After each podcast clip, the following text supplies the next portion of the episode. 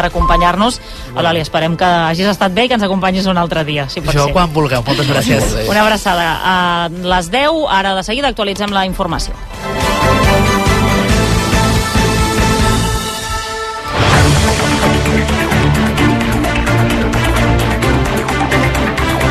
Tormos, bona nit. Bona nit. Què és el més destacat a aquesta hora? que els ajuntaments afectats per la baixada de pressió de l'aigua per la sequera accepten la mesura i es proposen rebaixar-ne el consum al municipi. L'àrea metropolitana de Barcelona reduirà a partir de l'11 de març la pressió a les zones que superen el llindar estipulat, que actualment és de 200 litres per persona i dia. Són els ciutadans de Begues, Cervelló, Corbera de Llobregat, La Palma de Cervelló, Sant Just d'Esvern, Sant Vicenç dels Horts i Tiana. L'alcalde d'aquest últim poble, Isaac Salvatierra, ha explicat en una entrevista aquí al 9C de rac que la mesura s'adoptarà durant les hores nocturnes.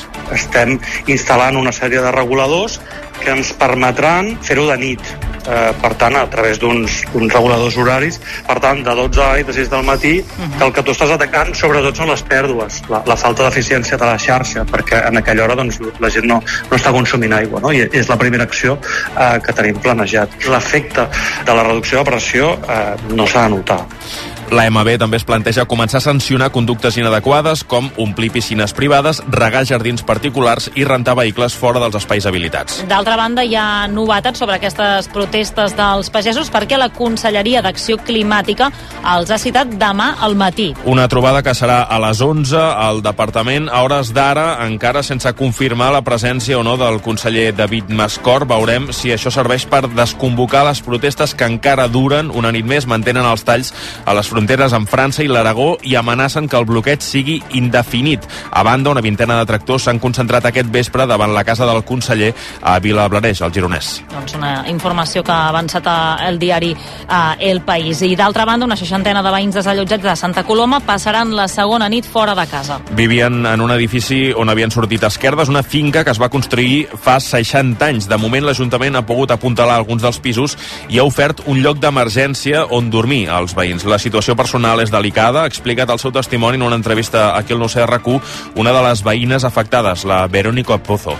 Mira, mi pareja en un sitio, mi hijo y yo y mi perro en otro, eh, no sabemos nada, no nos dicen nada claro, solamente nos ha ofrecido un, un albergue de- en Barcelona donde no dejan entrar a mi animal. Demà s'inspeccionarà l'edifici número 11, al bloc del costat, que sospiten que també podria estar afectat. Gràcies, Pep, que vagi bé. Bona nit. Bona nit. Els esports, Aleix Pariser, bona nit. Hola, bona nit, Anna. Què fareu avui, el tu diràs? Mira, tertúlia amb Toni Padilla, Paco Cabezas i el cap d'esports de rac Joan Lluís Garcia. Tenim moltes qüestions sobre la taula. Eh, posarem ordre, per exemple, a la carpeta del nou entrenador. Com està eh, aquest cas eh, pel que fa al Barça, el primer equip masculí. Parlarem també de la samarreta, de Nike, de com està la negociació, si hi ha una alternativa, si el Barça pot canviar o no de patrocinador a la samarreta. I també posarem sobre la taula dues qüestions que vam tocar ahir al programa, l'àrea de metodologia del club, avui en tornarem a parlar, i també la possibilitat que el Barça de bàsquet vagi jugar alguns partits puntualment aquesta temporada al Palau Sant Jordi. Tot això el dia en què la selecció espanyola femenina s'ha proclamat campiona de la Lliga de les Nacions. Un altre títol, doncs, després de guanyar el Mundial aquest estiu, avui han aconseguit un altre títol sense cap minut d'Alexia Putellas. Gràcies, Aleix. Fins d'aquí a res, 25, 27 minuts. Vinga, fins ara. Que vagi bé. I el temps amb l'Abel Caral. Abel, bona nit. Bona nit. Com acomiadarem aquest mes de febrer? Eh, doncs mira, amb un matí amb força sol, amb més núvols a la tarda i cap al final del dia arribaran precipitacions febles a les comarques de l'oest de Catalunya, cota de neu, primer 1.200-1.300 metres, baixant cap als 800.000, ja sense tant de vent, encara tramuntana moderada al matí, bàsicament a l'Empordà amb algun cop fort al nord de l'Alt Empordà. Gràcies, Abel, que vagi bé. Fins demà. Bona, nit, fins demà. Les 10 i 4 minuts de seguida tornem, com dèiem, amb aquesta conversa amb la germana de Salvador Puig Antic, Montserrat Puig Antic. No ho sé, amb Anna Ballonesta. El teu fill està desmotivat amb l'escola? S'ha encallat amb les matemàtiques, la química o l'anglès? No és capaç de concentrar-se? Descobreix profe.com, classes particulars per videotrucada que s'adapten a cada alumne amb tutors de seguiment, xat de deures i una metodologia comprovada en totes les assignatures des de primària fins a batxillerat. Comença avui amb la teva classe de prova gratuïta a profe.com. Escolteu-me bé, vols vendre el teu cotxe? Vols una bona oferta? Oblidar-te de la paperassa i tranquil·litat? Comprem el seu cotxe.cat. Necessites vendre el cotxe ràpid i a un preu de mercat? Comprem el seu cotxe.cat. Perquè la millor solució a l'hora de vendre el teu vehicle és a comprem el seu cotxe.cat. I perquè som de confiança, som d'aquí! RAC1 presenta la tercera edició dels Premis DRAC.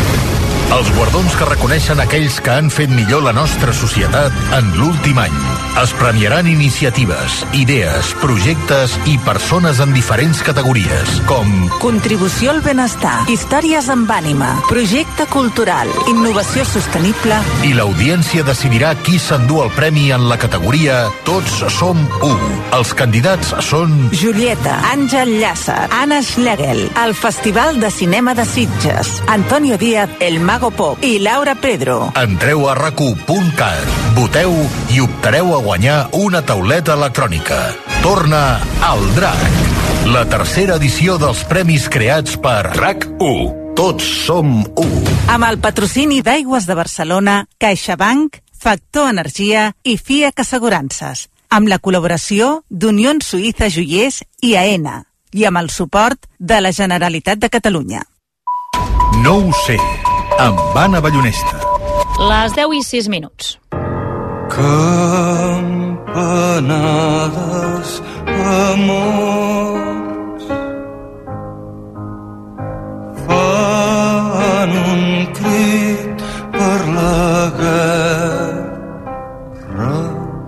Avui, com dèiem, acabarem el nou c amb la conversa que hem tingut amb la Montserrat, una de les quatre germanes de Salvador Puig Antic. L'hem citat a la presó model de Barcelona, que és on el van executar. Aquest dissabte farà, de fet, 50 anys ja d'aquell dia, 50 anys de l'última mort al Garrotville durant el franquisme, juntament també amb la de Heinz Chess, que el van matar el mateix dia, però en aquest cas a la presó de Tarragona. Una condemna a mort que va arribar després d'un judici ple d'irregularitats, acusat de matar un policia sis mesos abans. Arran d'allò el van detenir, ja no va sortir de la presó. L'execució va ser el 2 de març de l'any 74, quan faltaven 20 minuts per les 10 del matí. Les últimes hores de vida les va passar acompanyat de les seves germanes, de la Carme, la Montse, l'Imma i la Mercè, la Marsona, recordant moments que havien viscut junts mentre esperaven un indult que no va arribar mai. I això que els advocats van arribar a contactar fins i tot amb el papa de Roma. Encara avui, 50 anys després, les germanes de Puig Antic, que continuen lluitant per posar el nom del Salvador, diuen el lloc que es mereix a la història. Per cert, que totes aquestes cançons que sentireu són les que la Montserrat ens ha dit que li fan pensar més amb el, amb el seu germà. Ara al 9C recordarem la vida de Salvador Puig Antic amb la seva germana Montserrat des de la Model, la setmana, com dèiem, que fa 50 anys que el van executar. No sé on ets, Margalida, però el cant si t'arriba fent-lo com un bes.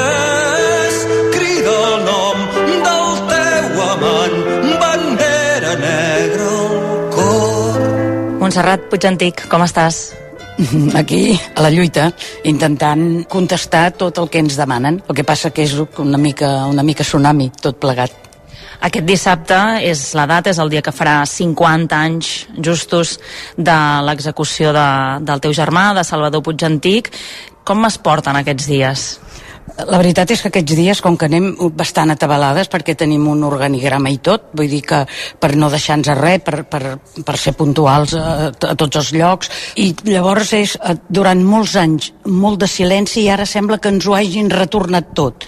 O sigui, ara inclús totes les ràdios, totes les teles petites, grans, no? És, eh, bueno, estem una miqueta esturades, la veritat. De tota manera, nosaltres, a la nostra manera i a la nostra lluita, ajudades per gent, no? Hem fet molt un treball de formigues amigues, no? O sigui, sempre hem anat fent, però hem anat fent potser sense fer massa soroll, no? Almenys ho hem, ho hem intentat, no? A part de les coses grosses de, de, la, de la revisió del judici, no? O sigui, tot el que no és jurídic, tota l'altra part, nosaltres hem fet molt.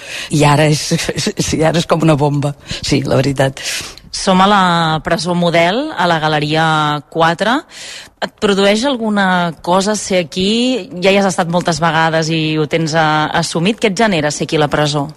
Home, d'entrada, ara que- aquests dies eh, ja hem estat eh, venint molt, no? Però el cor se t'encongeix. Eh? Si hi ha la gent que ve a fer... mm, Quan, quanta gent ens ha dit no, és que vaig anar a fer la visita i, ostres, vaig sortir molt tocada, no? Doncs eh, encara fa respecte. Sí, si aquestes parets parlessin... Eh? Tornem una mica a, al principi. Mm, Hi ha molta gent jove que pot ser que no n'hagin sentit a parlar. Qui diries que era Salvador Puigantic? Com era el Salvador? Tu eres la germana tres anys més petita que ell, no? Sí. Com a germà era un, un xicot fàcil, alegre, molt divertit, eh, una mica faldiller, per, per dir-ho bé, i d'entrada creiem un anticapitalista. Eh? I, un, evidentment, per l'època, un revolucionari. Sí, sí, sí, és clar. Tot això ell ho va portar una mica d'amagat, no?, de la família. Vosaltres algunes vegades heu explicat que el veieu entrar i sortir, no sabíeu ben bé què passava. Alguna sospita m'imagino que sí que tindríeu, no? Sí, evidentment que sí. A veure, un germà que en comptes d'anar a la universitat està a França i després torna, un dia et va vestit eh, d'executiu, agressiu, un altre dia et ve amb uns eh, texans esparracats, o, o sigui, sí, sí, o sigui, veiem moltes coses, eh, sí, sí. Llavors el 68, quan van dictar l'estat d'excepció, ja ma mare, que llavors encara era viva, ja li va dir que se n'anés a casa d'un- d'una senyora que era molt bona amiga de la família. O sigui que mm, alguna cosa ja, ja es movia, diguem. Vosaltres éreu sis germans, dos nois, quatre noies. Com ho veu gestionar tot això abans de la detenció, tot plegat, tots aquests moviments? Um, li dèieu que tingués compte, el veu avisar alguna vegada, veu tenir aquesta conversa alguna vegada? No, jo crec que va ser l'inrevés, era, era ell que ens protegia. O sigui, nosaltres el veien molt poc, poca estona, i més aviat era ell que no deia res. I esclar, després, quan va explotar tot, vam veure que era realment una protecció. Quan menys coses sapiguem, millor, i més aquella època. Clar, estem parlant que estàvem a les acaballes del franquisme. Uh, després veu saber, crec que ja els tenien vigilats des de feia temps, uh, hi ha una bossa que ell s'oblida en, en un bar i a partir d'aquí es desencadena doncs, tota la detenció a banda de, de l'episodi que hi ha amb els, amb els policies. No? Explica'ns com va ser uh, aquest tram final fins a la seva detenció. A veure, és que el d'abans sabíem que anava i venia, però no hi havia aquesta consciència de dir, ostres, pot passar això, pot passar allà. No, no. Va ser el setembre arrel de la seva detenció. Que llavors sí, ho vam gestionar com ens van aconsellar. Nosaltres vam tenir la sort de tenir uns advocats magnífics i ens deien cada vegada el que havíem de fer, no? O sigui que van ser sis mesos, però mm, molt intensos, de molt patiment, sobretot per ell, perquè no sabien quan el van detenir, i van haver-hi dos dies que no sabíem on estava. I esclar, fins que vam, vam entrar a la model per primera vegada, les quatre, a veure'l. Uh, en algun moment d'aquests inicis, de quan ell el detenen, a vosaltres us passa pel cap que hi pot haver una sentència de mort, tenint en compte que estem finals de l'any 73, principis del 74? No, la veritat és que no. No, el que passa, quan va passar lo del Carrero Blanco i nosaltres vam arribar a la presó, ell ens va dir, ETA m'ha matat. O sigui, Això us ho va dir textualment ell. Exactament, aquestes paraules. I realment no es va equivocar. Sense l'atemptat de Carrero Blanco, vosaltres sempre heu pensat que, que el vostre germà no l'haurien executat? Els entesos diuen que sí. Nosaltres sempre creiem que, que, que allò va ser un detonant molt negatiu per ell, per la seva sentència. Hi havia molta ràbia, hi havia molt, molt odi, eh? Vull dir, i ho va pagar molt car. Mm. En aquests sis mesos vosaltres podíeu venir aquí la, a la Model a, a veure'l? Nosaltres veníem, veníem el, que, el que ens tocaven dos vegades a la setmana, 20 minuts. 20 minuts només? 20 minuts, sí, sí. El locutori, i llavors surten els, bueno, surten els presos amb el, i pots parlar. Bueno, pots parlar poc. Pots parlar poc perquè nosaltres, evidentment, amb ell parlàvem en català, però suposo que no ens entenien i de tant en tant en, doncs, eh, per un micro ens deia que parléssim en castellà no, però esclar, costa moltíssim no? amb un germà que sempre has parlat en català I us ho repartíeu amb les vostres germanes el vostre pare encara era viu en aquell moment? Sí, el meu pare no, no, va, no va poder venir mai eh, estava molt delicat de salut també i entràvem sempre a les 4 menys una vegada que va venir el meu germà gran d'Estats Units el meu germà gran vivia als Estats Units i va venir a veure'l. I llavors clar, érem 5 i vam parlar amb el director i el director ens va deixar entrar als 5 va ser l'última vegada que es van veure ells dos. I deies que el teu pare no va poder veure mai el Salvador. No es va poder acomiadar d'ell? No, no es va poder acomiadar. El meu pare també per moltes raons eh, eh, però era un home molt fràgil de salut molt, i allò va ser quan va saber lo del seu fill li van caure 100 anys a sobre així, de cop sí.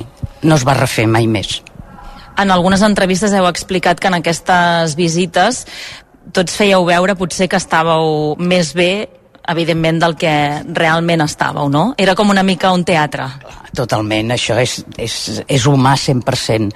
Ell mm, mm, ens deia que el, que el tractaven bé, que estaven molt bé, i nosaltres li dèiem que estàvem també tot molt bé, que tot anava molt bé, que tot ens preguntava pel pare, com està, com que ell ja ho sabia, que era un home molt, molt fràgil de salut, no, no està igual, no pateixi, Salvador, sí, sí, tots, eh, tots estaven bé. Éreu molt joves, el Salvador tenia 25 anys quan el van executar. Sí, sí. Com es gestiona això amb 20, mm, 21, 22 anys? a veure, jo penso que ho vam gestionar el millor que vam saber, però part d'això és que t'hi trobes, o sigui, no t'imagines mai que això et pugui passar a tu. Llavors t'hi trobes i has de tirar endavant, i per molt que, que, que, que ploris és igual, t'aixeques i, i continues. I és que a més tampoc no teníem massa temps com per, com per pensar què farem. No, no, no, fèiem què passa quan arriba la, la sentència? No sé si abans que arribés ja us havien dit ep, que això no pinta gaire bé, o veient també com ha anat el judici, que crec que el judici, doncs, evidentment, també hi va haver uh, algunes um, característiques que el van fer que, que fos dubtós. Um, vosaltres ja pensàveu en aquesta, en aquesta possibilitat o us arriba de cop aquesta sentència de mort? No, de fet, a nosaltres el di, els divendres a la tarda l'advocat del Salvador, l'Oriol Arau, sempre ens feia estar, llavors no hi havia mòbils, ens feia estar en alguna casa que hi hagués telèfon, de manera que, que ens poguéssim comunicar. Llavors, eh, aquell divendres és quan van donar l'enterada al Consell de Ministres. L'Oriol Arau ens va trucar i ens vam reunir aquí a la porta de la Model i vam entrar plegats el divendres dia 1. O sigui, va ser aquestes 12 hores eh, de marge que veu tenir des de que vosaltres sabeu quina és la sentència fins que arriba l'execució. Per tant, és, això sí que és rapidíssim. Rapidíssim. O sigui, nosaltres, ja et dic, ens vam trobar aquí la model, vam entrar amb, amb l'Oriol, el Salvador ja estava en una sala, amb uns, amb uns sofàs, i vam passar la nit amb ell, esperant, en teoria, esperant l'indult, o esperant, doncs, el que vam esperar, no? Llavors, a quarts de sis, quasi les sis, ja ens van fer marxar. Llavors vam sortir i aquí davant hi havia un bar que ara no hi és, que es deia Modelo, la Modelo. I mentrestant l'Oriol Arau anava i venia, o sigui, entrava i sortia, eh? i estaven amb tots els advocats al col·legi d'advocats, o sigui, ells van estar pencant tota la nit. Crec que també va ser una nit en què vosaltres veu haver de fer el cor fort, oi, pel vostre germà? Sí, i ell, i ell va fer el cor fort. Sí, sí, i tant. Hi va haver estones de tot, però esclar, com que no sabies al final, doncs parlant, bueno, doncs lo típic, les coses de la família, de quan eren menuts, dels pares, d'aquí, d'allà, del, del, del, del Joaquim, de... O sigui... De... Vau portar fotografies, crec, eh, també, oi? Sí, sí, portàvem fotografies, anàvem mirant de quan estiguejàvem, o sigui, mm, mm, bueno, com una, diem, tertúlia familiar de prendre un cafè, eh, però esclar, el temps es va anar allargant, eh, tothom estava cansat, el Salvador el veiem cansat, evidentment, tots vam haver de demanar diverses vegades per anar al lavabo, perquè els nervis, i, i esclar, i tot, tot era un problema, en el lavabo t'acompanyaven, t'esperaven, tornaven, o sigui, tot, sí, va ser feixuc.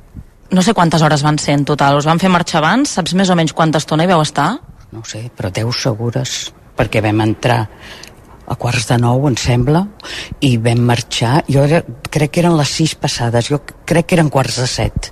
I llavors ja vam, vam veure sortir, o sigui, vam estar aquí al bar La Modelo, com t'he dit, i ja vam sortir, veure sortir el fèretre. O sigui, el següent que veu veure, quan veu marxar d'aquí, va ser directament al fèretre. Sí, sí.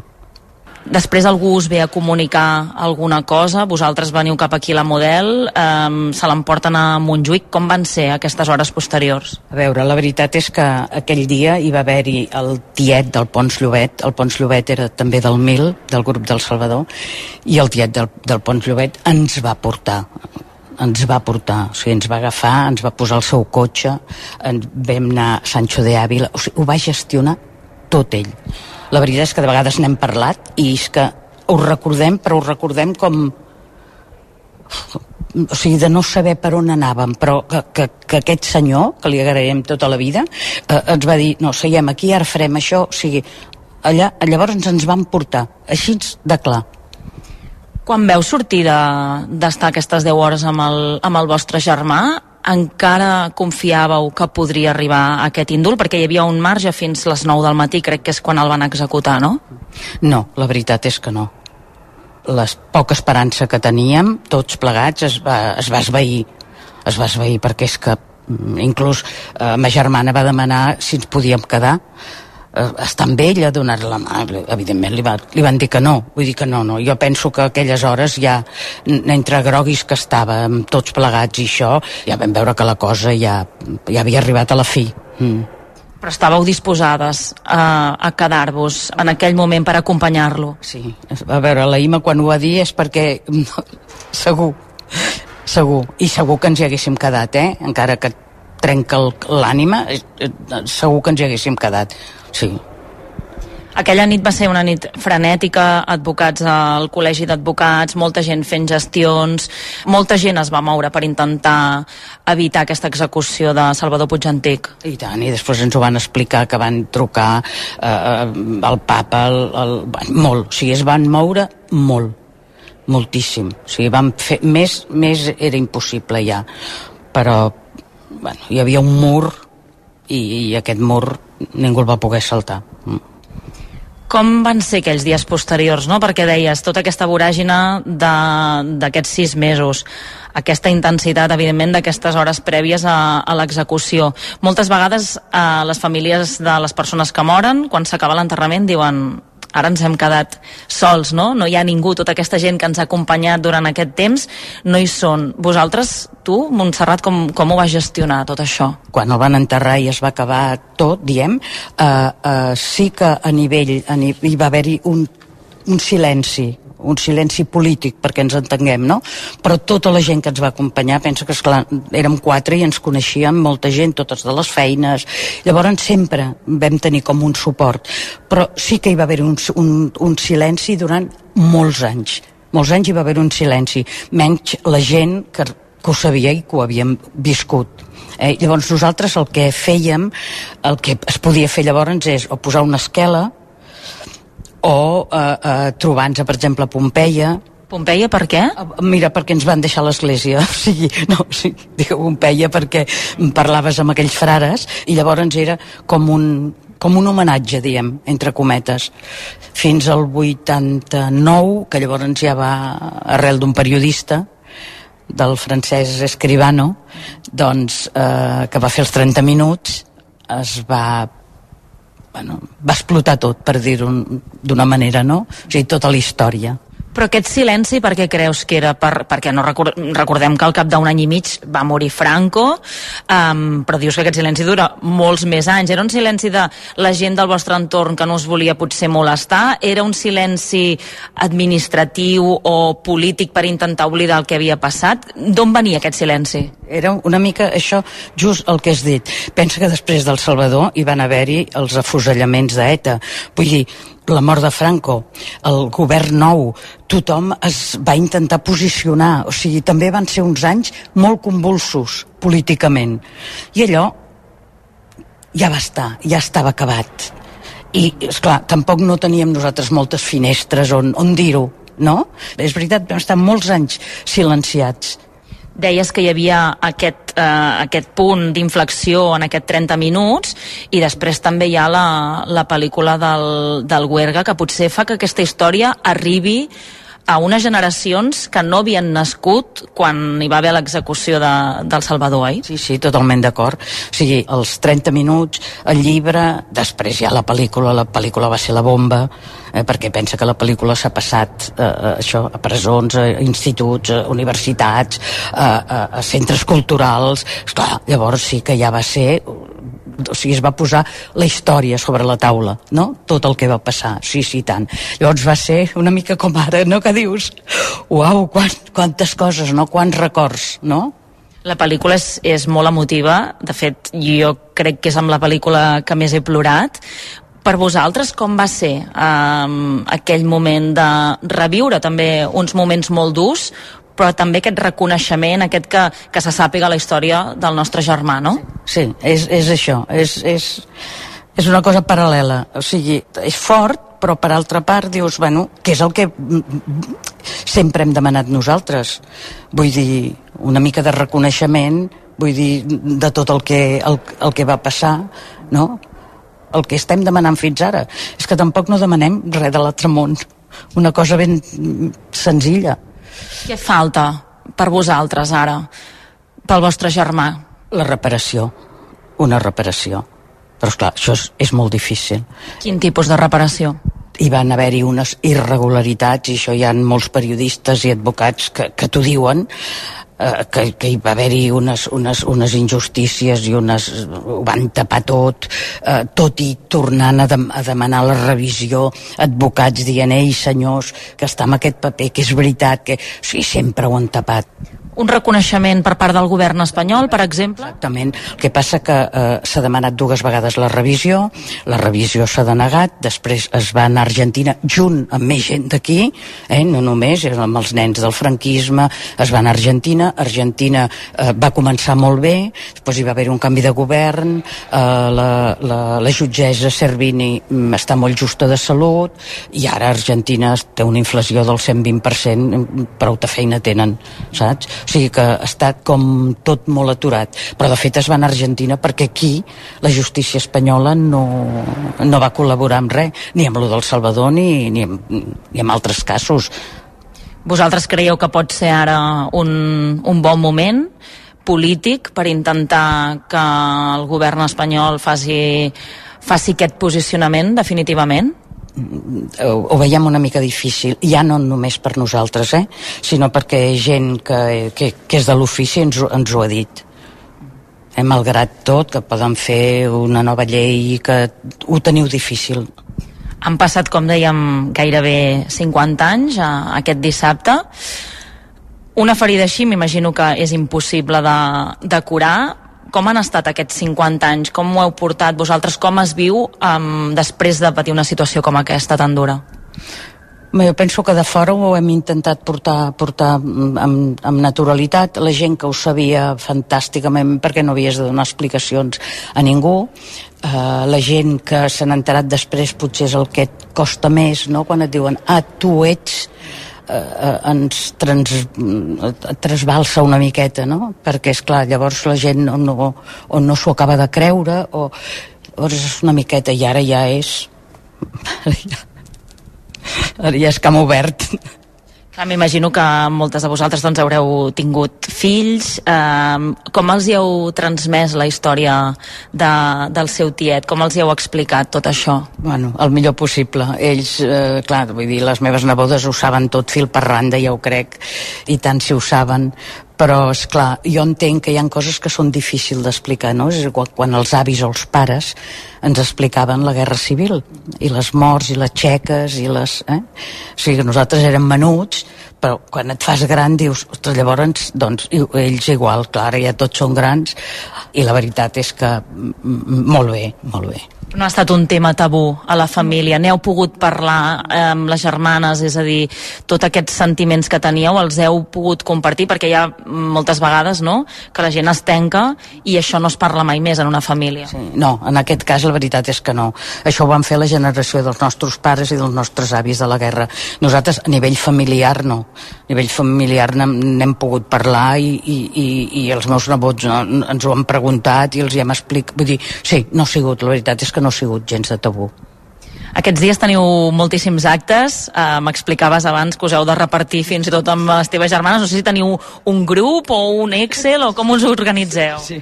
Bueno, tenim un cunyat que ens fa un organigrama i després tenim un, les quatre, tenim un grup de WhatsApp i llavors jo què sé, doncs eh, que em truques tu RAC1, doncs ho posem allà. O que truca el Catalunya Ràdio, ho posem allà. I llavors allà ens, o, o la Pompeu Fabra i, i llavors, bueno, qui va aquí, qui va allà? Ai no, jo aquí no, que no puc, jo tinc això bueno, ens ho repartim el millor que podem Us sorprèn que encara hi hagi aquest interès pel, pel vostre germà 50 anys després? Sí, la veritat és que sí.